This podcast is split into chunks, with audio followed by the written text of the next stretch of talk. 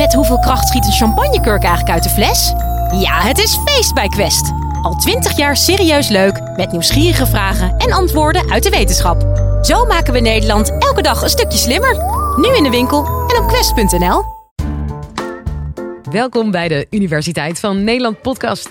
Ik ben Sophie Frankemolen en wat leuk dat je er weer bent. Wist jij dat sommige organismen helemaal geen partner nodig hebben om zich voor te planten? Superhandig. Of nou ja, ook ongezellig. Maar waarom hebben wij als mens wel een ander nodig? Primatoloog Jan van Hoof van Universiteit Utrecht legt het je uit. Dit is de Universiteit van Nederland.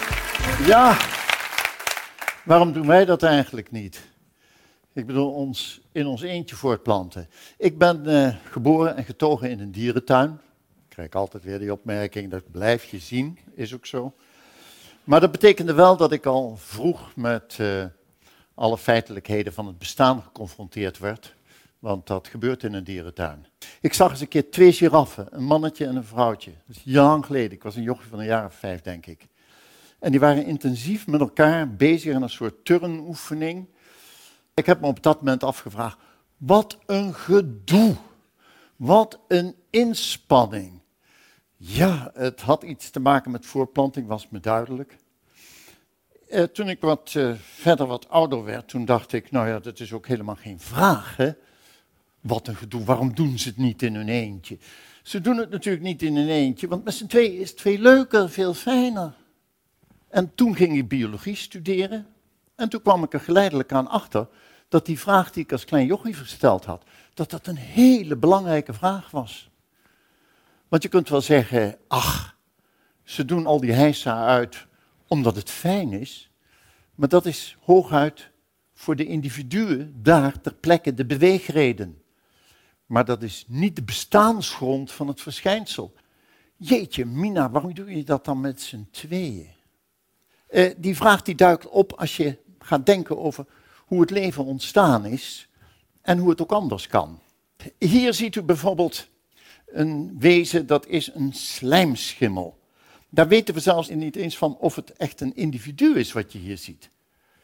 Dit is een massa protoplasma waarin allemaal celkernen zitten.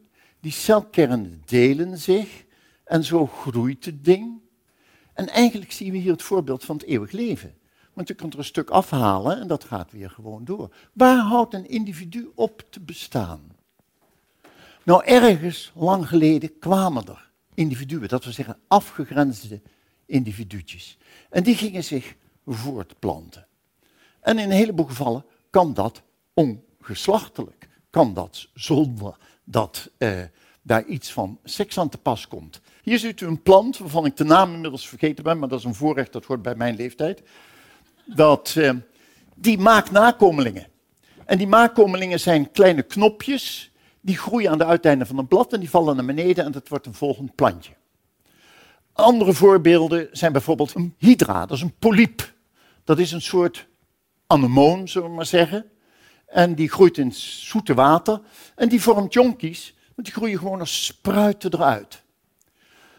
Er zijn nog andere voorbeelden. Hier ziet u bladluizen. En bladluizen in deze tijd van het jaar, als alle groen als het ware explodeert aan de bomen, dan vermenigvuldigen de bladluizen zich ook in een reusachtig tempo. En wijfjes, die poepen als het ware aan de lopende band jonkies uit, zonder dat er een bevruchting aan te pas gekomen is. Dat noemen we ongeslachtelijke voortplanting. Het kan dus. Dus waarom moet het dan allemaal zo ingewikkeld, dat morsige, ingewikkelde gedoe van al die seks? Kan toch allemaal veel simpeler? Daar zou dus een goede reden voor moeten zijn, evolutionair, dat dat gebeurd is. Maar voorlopig denken we dat de essentie van het leven is ontwikkeling, innovatie, evolutie. En evolutie bestaat bij de gratie van nieuwe varianten die opduiken. Even heel snel, hoe zit evolutie ook weer in elkaar? U weet het allemaal natuurlijk wel. Darwin realiseerde zich dat individuen erfelijk van elkaar verschillen. Dan kan het niet anders. Er is haast niet aan te ontkomen dat die individuen die dankzij hun eigenschappen efficiënter, effectiever functioneren, optimaler, dat die ten eerste een grotere kans zouden kunnen hebben om te overleven, maar dat is niet eens het cruciële. Het cruciële is dat ze ook grotere kans hebben om nakomelingen te maken. Ze hebben langere tijd voor. En die nakomelingen die erven weer die meer efficiënte, effectieve eigenschappen. En zo zal geleidelijk, en dat is de one-liner waar je het hele evolutieproces in kunt samenvatten, het betere, het goede uiteindelijk verdringen in de populatie. En dat is het voordeel van de geslachtelijke voortplanting. Ongeslachtelijke voortplanting, dat zijn klonen. Dat zijn kopieën van het organisme dat er al was.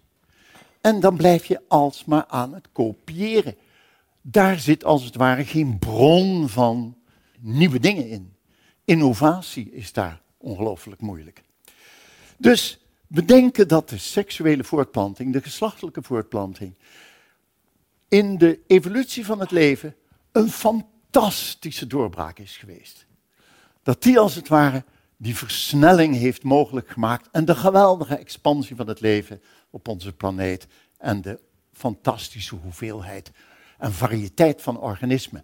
En die niet intentionele, maar als resultaat daarvan optredende druk naar steeds betere uh, vormen, steeds optimalere vormen. Omdat nou eenmaal het betere, het goede verdringt. Zo gaat dat. Dat betekent dat we twee kernen hebben, met ieder één streng DNA, en die gaan bij elkaar en dat wordt een nieuw, nieuw organisme, de basis van een nieuw organisme. Maar die moeten wel bij elkaar komen. En daar begint het. Hoe doe je dat? Het eerste is natuurlijk dat je twee cellen hebt die bij elkaar moeten komen en dan vrij snel, eh, ook weer denk ik in de evolutie van het leven, is er een nieuwe bingo geweest die heeft gezegd, weet je wat, we maken mannetjes en vrouwtjes. We maken de geslachtscellen zo dat er een eicel is en een spermacel. Of bij planten ook een eicel en een stuifmelkkorrel. Of wat dan ook. Het probleem wat daarmee opgelost wordt, is het eenvoudige taxizoekprobleem wat u hebt. U komt met iemand anders, uw partner, staat u op het prom met twee grote koffers en ieder heeft twee grote koffers in zijn hand en er moet een taxi gezocht worden. Nou, dan kun je het volgende doen. Dan loopt de een loopt die kant uit met de twee koffers, de andere die kant uit met de twee koffers. En als een van de twee het gevonden heeft, dan komen ze weer terug naar het punt waar ze afgesproken hebben. Vreselijk onhandig. Elke ergonoom kan je voorlezen dat je zo niet moet doen. Nee, een van de twee die krijgt alle koffers en die blijft daar ook en niet weglopen. En de ander die kan nou gaan pezen en zoeken waar de taxi is en weer terug. Nou, dat principe dat is vrij snel ook in het leven ontdekt. De een gaat zitten met alle bagage, alle reservevoedsel, de hele zooi. Dat wordt het ei en dat noemen we vrouw.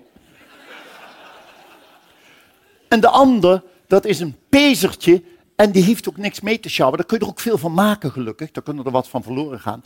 En die zoekt op een gegeven moment. Dus met andere woorden, een efficiënte taakverdeling.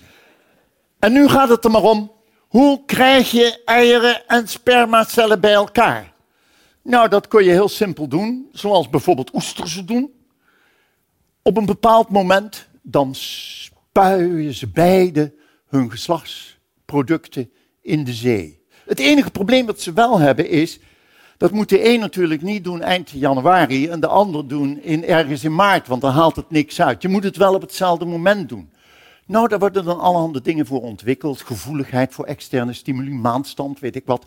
Dus verzoeting van het water. Maar ook signalen die ze aan elkaar afgeven, hormonen. En dat ze dat synchroniseren. Maar het is natuurlijk een gekluns van je welste eigenlijk. Hoewel, het voldoet blijkbaar voor oesters. Perfect.